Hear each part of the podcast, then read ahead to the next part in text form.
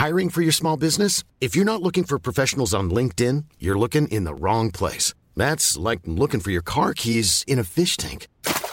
LinkedIn helps you hire professionals you can't find anywhere else, even those who aren't actively searching for a new job but might be open to the perfect role. In a given month, over 70% of LinkedIn users don't even visit other leading job sites. So start looking in the right place. With LinkedIn, you can hire professionals like a professional. Post your free job on linkedin.com slash people today.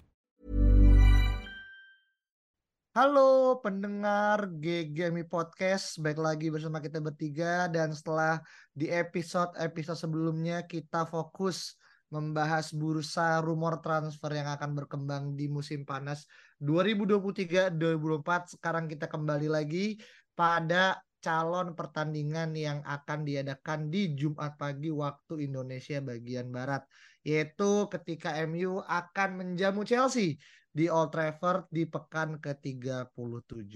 Nah, pertanyaan paling dasar kira-kira apa yang harus dilakukan sama MU untuk mengamankan posisi empat besar supaya tidak lagi tersodok ataupun bahkan bisa securein peringkat tiga nih Vin. Iya, iya sebenarnya udah ada lah ya kita semua udah tahu gitu bahwa bagaimana MU ini harus menang, jangan cuma ngincer imbang doang karena mainnya di kandang dan lawan Chelsea yang lagi jelek gitu ya kasarnya. Kemarin lawan tim Akademi City aja masih kalah kan 1-0 gitu. Jadi menurut gue ini adalah momen yang sangat bagus, apalagi istirahat juga cukup gitu. Kita udah dua minggu nggak main di midweek dan kayaknya memang performa udah lebih stabil nih gitu. Permainan Erikson, Casemiro juga lebih apik gitu, nggak kecapean. Jadi menurut gue nggak ada alasan sama sekali untuk nggak menang apalagi kita di kandang ya itu harusnya kita bisa clean sheet kita harus bisa sapu bersih kemenangan dan ya lagi-lagi ya yang paling penting adalah bagaimana kita main compact nggak melakukan blunder nggak melakukan kesalahan aneh dan bisa klinikal di setiap momennya terutama di menit awal gitu kan di mana uh, kita pasti bakal banyak pegang bola. Nah di situlah di 10-15 menit seperti yang kita udah sering bahas itu kunci di mana kalau kita bisa cetak gol di situ ya kita bakal bisa mengendalikan pertandingan sampai selesai. I see. Berarti kuncinya ada di menit-menit awal dan bisa memanfaatkan kelemahan dan juga kelengahan yang akhirnya Chelsea sedang miliki apalagi juga performance-nya juga angin-anginan ya dan cenderung akhirnya mungkin lebih tendensius ke yang negatif ketimbang yang positif gitu kan. Dan ini kan berarti back to back untuk fans Chelsea akan ketemu sama dua Manchester kan. Satu udah ketemu minggu lalu, sekarang akan ketemu sama yang warna merah gitu. Nah pertanyaan gue ke Saung adalah ketika akhirnya Chelsea bertandang ke MU di mana pasti kan Chelsea udah nggak punya lagi kotaan quote emisi ya karena juga dia, gak, dia udah nggak bisa ke mana-mana eh, stuck di peringkat let's say 11, 12, 13 gitu kan. Nah pertanyaan gue adalah apakah MU harus full, turun dengan full squad karena tentu kita juga paham ada match dua match lagi meskipun yang kita ketemu sama City di paling terakhir di musim ini di final Piala FA gitu kan. Jadi apakah ini porsi untuk kita akhirnya bisa quote unquote rotational player karena sebenarnya untuk mengamankan jatah Liga Champions itu kita cuma butuh satu seri aja gitu, sorry satu poin aja gitu dari pertandingan antara Chelsea dan juga uh, Fulham juga. Kira-kira gimana Om? Um, kalau memang harus full squad ya lo harus full squad men gitu. Apalagi lawan Chelsea di kandang di mana kesempatan kita untuk mendapatkan uh, Liga Champions di musim depan kan sangat besar ya kansnya. Kita cuma butuh hasil imbang gitu. Bahkan lo 0-0 ya lo bisa uh, lolos gitu kan ya. Tapi tim ini kan kadang kalau misalkan di masa-masa pressure-nya semakin tinggi itu kan semakin ini ya uh, biasanya itu emang agak kocak gitu kan Uh. ketika uh, kita punya jeda waktu yang cukup lama, satu minggu gitu untuk istirahat untuk akhirnya prepare uh, lawan Chelsea dengan segala kekuatan yang ada gitu, ya lo harus maksimalkan gitu. Bahkan gue sempat baca katanya Ruth Van Nistelrooy kan juga cabut dari PSV kan. Kalau dia bisa diambil untuk kita pinjam satu match main untuk United ya lo pakai aja gitu loh bro. Jadi kayak daripada horse gitu kan, ya mainin aja gitu siapa pun itu uh, yang bisa lo harus all out lo jangan sampai apa ya gue tidak ingin melihat United itu hanya scrapping for uh, draw gitu kasarannya. Gue nggak ingin hmm. mereka main main hanya untuk imbang gitu. Tapi ya emang lo main untuk menang gitu. Dua gol tiga gol empat gol berapapun itu lo harus menang. Hmm. jadi sehingga kita lawan Fulham nantinya lo mau mainin Matet Skovar lah lo mau mainin Mark Jurado lah siapa pun itu ya terserah lu gitu. Karena full fokus selanjutnya adalah lawan City di FA Cup. I see, I see. Oke, berarti untuk Chelsea nggak ada kata lain selain menang dan juga ini kan juga anggap masih rival ya. Terlepas mungkin musim ini agak compang-camping uh, Chelsea-nya gitu kan. Tapi tetap ketika pemenangan Chelsea setidaknya bisa ngebuat uh, mengukuhkan kita sebagai untuk musim ini belum pernah kalah lawan Chelsea karena kan di uh, Stamford Bridge kita seri ya lewat golnya Casemiro di menit akhir yang dianggap terlalu lebay karena itu gol pertamanya dia gitu kan tapi ya kita semua seneng lah ke mana kita tidak kehilangan poin kan uh, di kandang The Blues gitu iya nah, dan hmm, iya dan tadi mungkin nambahin pressure yang dibilang sama Saung ya gitu gue juga uh, semalam gitu gue baru ngelihat bahwa ternyata ya mungkin meskipun di beda ini ya beda manajemen ya bukan beda manajemen ya maksudnya beda era ya di mana ini kejadian di era, di eranya oleh di mana kalau kita semua ingat dulu di Liga Champions pas kita segrup sama PSG, Leipzig dan juga gue lupa satu lagi ini kayaknya uh, Basak Sehir ya, gue lupa Istanbul. Mm-hmm. Itu kan kita mhm. juga cuma butuh imbang di mm-hmm. last two match kan di home lawan PSG dan juga away lawan Leipzig. Tapi and then kita battling di match lawan PSG yang harusnya kita menang kita kalah 3-1 karena kesalahan taktik gitu kan.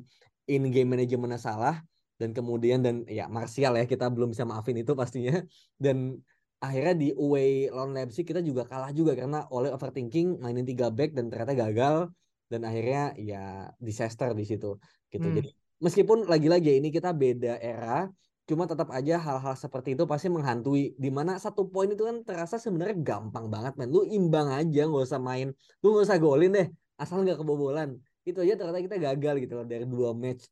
Jadi gue masih um, agak trauma dan takut gitu. Kayak oke okay, meskipun gue juga tahu uh, situation kita lebih diunggulkan tapi somehow hal-hal seperti itu tuh masih terngiang di kepala fans sih dan itu agak mengerikan kalau memang beneran kejadian lagi kita jadi badut sih iya iya, iya.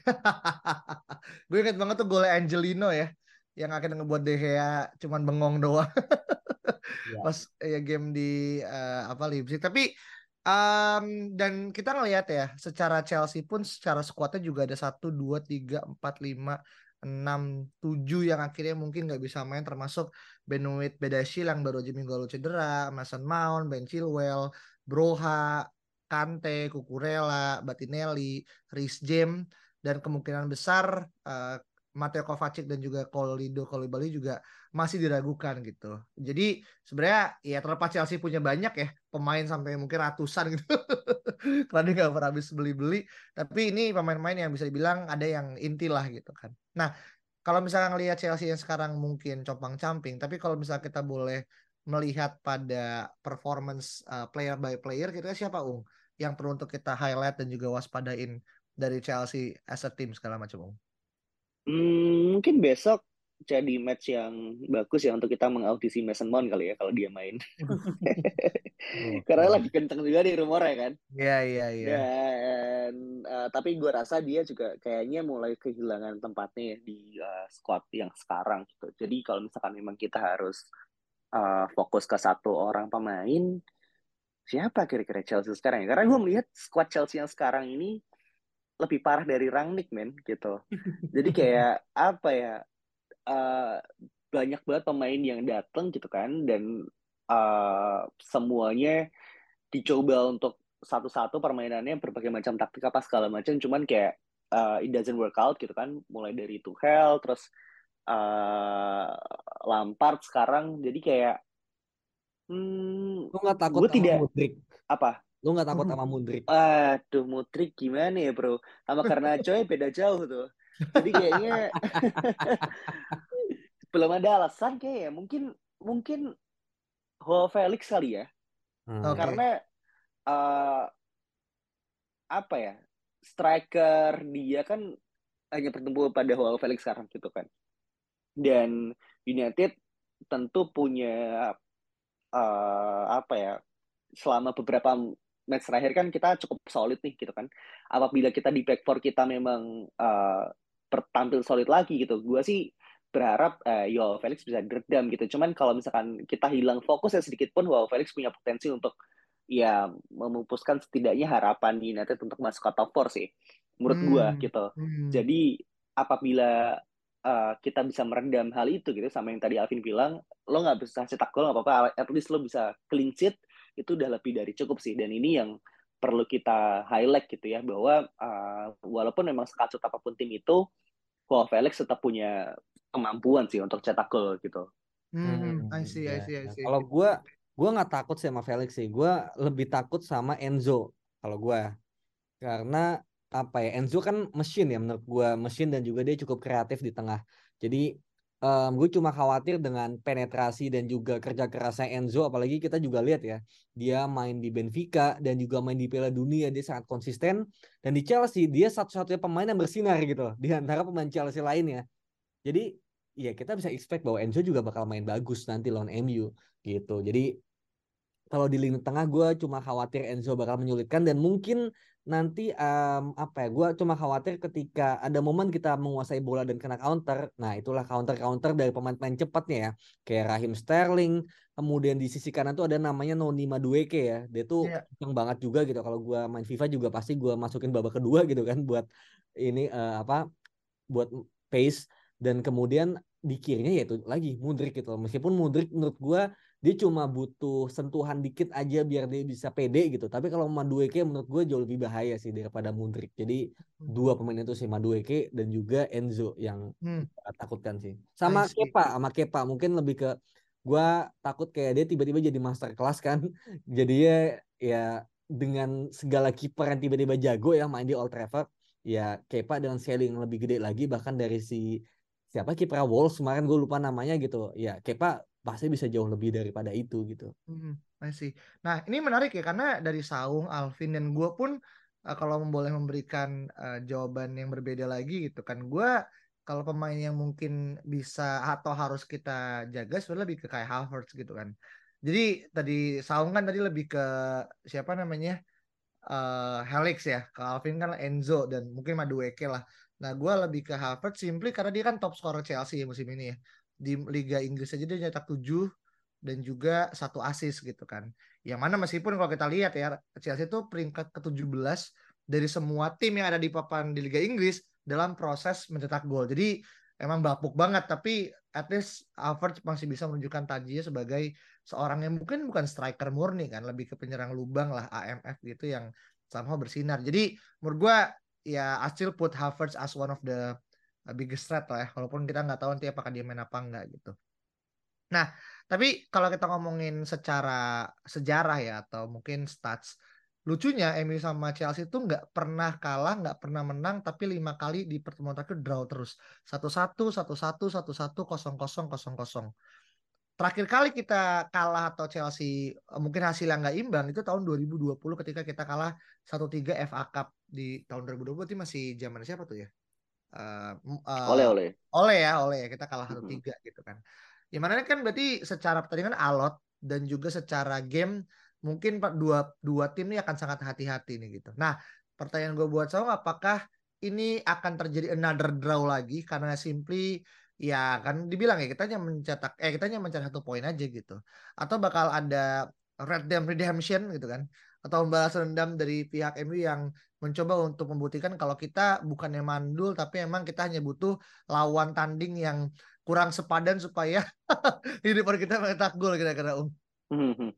Sejujurnya kalau misalnya kita lihat histori United sama Chelsea di beberapa musim terakhir ya gitu dan juga melihat resultnya uh, Newcastle kemarin gitu yang imbang lawan siapa gue lupa kemarin uh, Leicester lawan Leicester match besok lawan Chelsea itu memang sudah jelas hasilnya imbang sih. Jadi uh, kalah di Old Trafford gue nggak yakin ya karena Old Trafford sangat-sangat uh, luar biasa musim ini sangat solid gitu kan benar-benar jadi uh, fortress. Tapi untuk menang lawan Chelsea gitu kan di mana rekornya juga 9 match kalau nggak salah kalah tujuh kali imbang dua kali gitu kan si Chelsea ini dan kemarin juga habis kalah 1-0 lawan uh, City. Um, hasilnya gue ya gue cukup optimis ya 80% kita akan imbang sih men besok. Okay. Gitu. Menarik. Jadi ya jadi uh, apa ya? Tadi kuncinya adalah di 10-15 menit pertama gitu kan. Kalau misalnya kita bisa cetak gol di situ gitu, gue yakin akan menang United. Tapi kalau misalkan kita belum bisa cetak gol di apa uh, 10, 15, 20 menit pertama, most likely hasil akan imbang gitu. Oke. Ini udah udah udah kayak apa ya? Uh, keniscayaan sih menurut gua ya. Nggak tahu kalau Alvin seperti apa. Oke, kita tanya ke Bung Alvin. Ini tumben-tumbenan Saung pesimis. Biasanya kan kebalik ya. Yang optimis adalah Saung, yang pesimis adalah Alvin. Nah, apakah ini akan menjadi hari di mana ada keterbalikan seperti di episode SpongeBob kira-kira? um, ya gue sih bisa memahami ya bagaimana kemungkinan kita juga um, apa ya, mainnya itu interval gitu loh. Jadi kayak uh, mungkin setengah jam pertama kita bakal habis-habisan atau mungkin 20 menit ya. 20 menit pertama kita habis-habisan. After that kalau masih 0-0 ya kita bakal main hati-hati gitu loh. Tapi kayaknya agak nggak make sense kalau kita main hati-hati dari awal gitu karena uh, menit pertama gue punya feeling kita bakal um, kayak match-match sebelumnya kita bakal coba gol cepat gitu. Tapi after that untuk menjaga stamina juga dan menjaga kemungkinan terburuknya juga gitu kan. Kita juga harus menjaga stamina hmm. dan menjaga uh, tempo gitu. Jadi kayaknya setelah 20 menit itu akan uh, apa ya berimbang gitu. Nah memang lagi-lagi kunci di 15 menit pertama gitu. Ya kayak lawan Bournemouth lah. Kita 25 menit pertama main bagus cuma habis itu kendor kan sampai selesai gitu. Jadi memang sangat baik kalau kita bisa golin di momen itu gitu. Meskipun setelahnya bakal main hati-hati ya gue sangat paham gitu. Dan gue masih yakin sih harusnya nggak ada alasan buat nggak kebobolan sih unless kita emang ceroboh gitu loh. Kalaupun nanti ada something happen terjadi misal kebobolan atau apa itu ya bukan karena emang Chelsea-nya bagus tapi karena maybe kita salah oper atau tiba-tiba ada yang blunder ada yang apa tangannya licin lah gitu kan. Jadi bukan karena mereka hebat tapi emang karena kayak ya anjing gitu kan. Kayak lawan Brighton kebobolannya tangannya show begitu gitu kan. Lawan West Ham tangannya De Gea yang kayak gitu gitu. Jadi bukan karena salah bukan karena mereka hebat tapi karena emang kita yang blunder aja gitu. Jadi gue nggak melihat alasan itu akan terjadi apalagi di Old Trafford sih. Gue masih yakin MU menang tapi kalaupun imbang gue nggak heran gitu. Tapi kalau kalah gue geleng-geleng sih. Sebuah keniscayaan kalau minimal seri dan kemungkinan terbaliknya adalah menang gitu. Jadi memang nih uh, jadi match yang quote unquote ya gue sih pengen ya meskipun ujungnya pasti dedekan gitu. Gue pengen sebenarnya perebutan peringkat 3 4 5 tuh bisa bertahan sampai match week ke-38 sebenarnya ya. Tapi dengan asumsi kita benar-benar uh, tancap gas gitu kan. Cuman sayangnya udah keburu ya kasarnya kita udah tahu lah uh, Newcastle pasti mungkin akan mengamankan satu posisi dan MU akan surprising mereka di posisi ketiga kalau emang kita menang besok gitu kan. Uh, jadi sebenarnya secara match uh, as in rivalitas akan terus berlanjut, tapi secara ketegangan dan juga poin-poin yang akan ya berhadapan pasti nggak akan seseru kayak dulu di pekan ketiga enam atau tiga lima gitu kan. Tapi ya udahlah ya, misalnya itu anggaplah kita bersyukur segala macam. Nah, paling kalau akhirnya kita mungkin ya, mungkin terakhir aja kali ya secara singkat dan ini mungkin anggaplah episode yang anomali ya karena tadi juga mulai kebalik gitu kan. Mungkin gue juga berani untuk mulai berani lebih tepatnya mempertanyakan terkait dengan kira-kira kalaupun akhirnya besok ada kemenangan untuk MU, siapa yang akan memberikan gol kira-kira? Apakah ini adalah Gue berani jawab nih kayak gini-gini. Oh. terlalu krusial gue nggak mau. Eh, gue nggak ngomong skor ya, gue ngomong kan ya mencetak gol gitu. Karena gini, gue masih pengen ya terlepas mungkin nanti Wake akan diperpanjang atau enggak, tapi gue pengen banget melihat dia menciptakan satu gol untuk MU di Liga Inggris ya. Kan belum tuh sampai sekarang nih. Dan dia cuma punya dua kesempatan lagi kan Chelsea dan juga Fulham gitu. Dan dua-duanya mungkin akan main di kandang kan. Jadi gua masih pengen melihat Wakehorse merayakan selebrasi golnya di uh, match besok gitu. Nah, kalau dari Wakehorse tuh di Wembley nanti golinnya. Waduh. tuh, ini kerasukan Jin Saung kayaknya jawaban itu. The table has turned, bro. Lu gimana, Om? Uh, siapa yang akan cetak gol ya lawan Chelsea yeah. besok? Hmm. Takut kan lo jawabnya kan? siapa ya anjing? Uh... Rashford udah balik loh Rashford kayaknya ya. Rashford, ya yeah, Rashford udah balik kan. Tapi kan uh, striker kan yang krusial sebenarnya gitu. Apakah Weghorst yang akan bermain atau mungkin Martial atau Rashford yang ntar depan terus kirinya Sancho atau karena kan kita uh, I'm still not sure ya. Tapi kalau misalkan gue bisa sebut satu nama, mungkin Anthony kali gol pertama. Hmm, oke okay, ya. Yeah, yeah. Mungkin Anthony karena uh, pertama dia selalu starter ya di beberapa match terakhir gitu kan dan memang dia baru diganti mungkin setelah menit 70 80 gitu dan secara uh, chance gitu uh, apa namanya chance creator juga menurut gue dia juga cukup tinggi.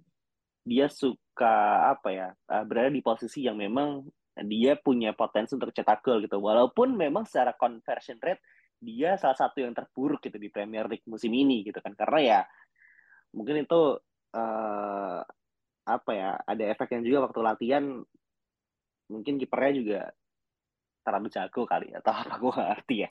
Tapi um, gue cukup berharap uh, dia punya uh, satu momen di mana Anthony bisa cetak gol gitu. Karena secara fullback gitu kan di Chelsea gue tidak melihat di sisi kiri ya itu sejago itu tuh kayaknya Chelsea kayak enggak deh menurut gue gitu. Karena yang jago kan uh, Rhys James kan dan Rhys James kalau salah dia udah di roll out musim ini ya karena cedera gitu.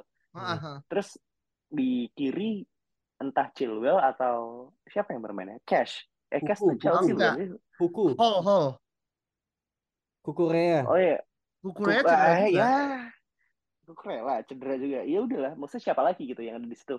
Gue nggak gue nggak yakin ada satu pemain uh, di backcourt Chelsea gitu kan khususnya midfield apa uh, khususnya fullback kiri yang bisa punya potensi untuk menghentikan Anthony sih, men. Kalau gue pribadi ya. Hmm, hmm. I see, I see. Kecuali Anthony itu sendiri ya. kecuali Anthony itu sendiri betul. Nggak kecuali kaki kanannya Anthony kayaknya Vin lebih tepatnya Vin. yang menghentikan dia untuk dia tak gol gitu. Iya, Oke. Okay. Iya, iya, iya. Oke, berarti kalau kalau Saung lebih ke Anthony karena simply ya dia nggak punya quote unquote oponen yang seimbang ya untuk akhirnya bisa ngimbangin dan kemungkinan kan Chelsea pakai tiga empat tiga ya dan tadi gue bilang kan kalau dari pertandingan sebelumnya yang main di sisi kiri as in apa ngomongnya berarti ini? Uh, eh, LWB kali ya uh, segala macam. Itu kan gue nggak tahu nih nama panjangnya siapa tapi Hall nomor enam puluh tujuh. Louis ya kan? Hall. Louis Hall Louis Hall. Nah, dia yang main dari match kemarin juga Louis Hall. Jadi kemungkinan besar dia juga akan main lagi gitu. Tapi tentu uh, Hall ini kan akademi ya. Uh, sama kayak mungkin Love to Chick dan semuanya gitu. Jadi ya bisa lah harapannya ya untuk akhirnya ini. Paling ketemu sama Fofana kan yang main di LCB gitu iya, iya. juga. Ya gitulah ya. Gua nggak mau jawab ya siapa ya yang mau oh iya usah jawab ya? Oke deh. terlalu takut. Gak terlalu takut. Nggak apa nggak apa. Karena ini anggaplah gue buat ini karena ini episode ya satu poin. Walaupun kita kalau ini benar kejadian kayak match uh, PSG dan juga lain ini kita segel ya. Pokoknya ntar kalau -gini, ya episode-nya kita katain semua yang ada gini-gini ya jadi ini pertaruhan juga uh, buat gue tapi sih gue cukup yakin nggak akan mengulang kejadian yang salah sama kayak pas zamannya Ole ya. Karena simply ya kita belajar lah. Itu sih poin dasarnya gitu kan. Dan mungkin kalau teman-teman punya prediksi dan juga hal-hal yang menjadi preview dari pertandingan MU lawan Chelsea yang akan main di jam 2 pagi ya waktu Indonesia bagian barat gitu kan silakan eh, lagi-lagi by the way mainnya Jumat ya Jumat pagi. Eh Jumat pagi Jumat ya, pagi. Jumat pagi yang ya kita tiga Jumat terakhir ini kita suwe banget ya kan jadi hmm. semoga kali ini berbeda iya ya karena paginya harus berangkat kantor dan Betul. siangnya harus uh, sholat Jumat jadi jangan sampai mood yang dibawa mood-mood yang tidak baik ya untuk kita semoga bisa pas, beribadah. pas Khotib bilang hari Jumat yang berbahagia semoga kita relate ya.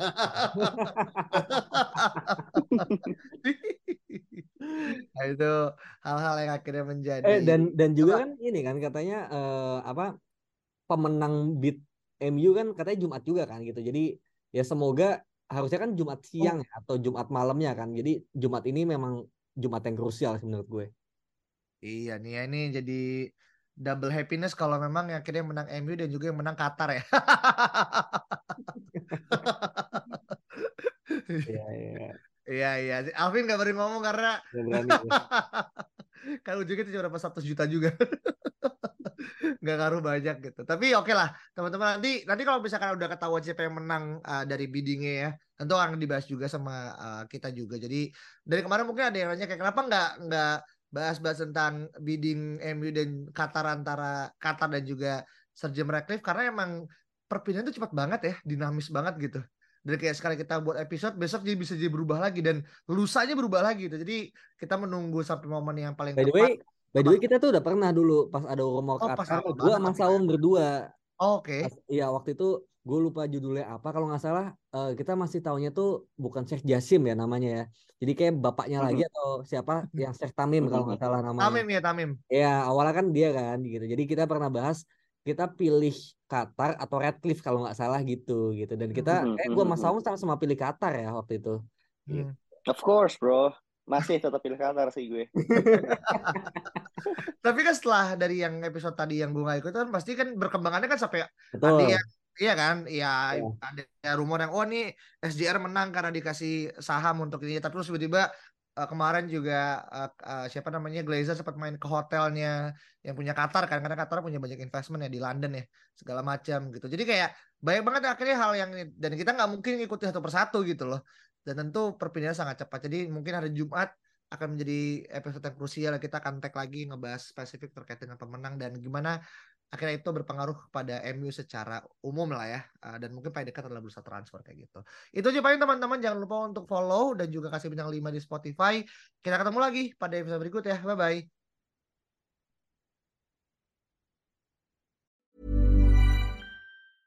Even when we're on a budget we still deserve nice things. Quince is a place to scoop up stunning high-end goods for 50 to 80% less than similar brands They have buttery soft cashmere sweaters starting at $50, luxurious Italian leather bags, and so much more. Plus, Quince only works with factories that use safe, ethical, and responsible manufacturing. Get the high-end goods you'll love without the high price tag with Quince. Go to quince.com/style for free shipping and 365-day returns.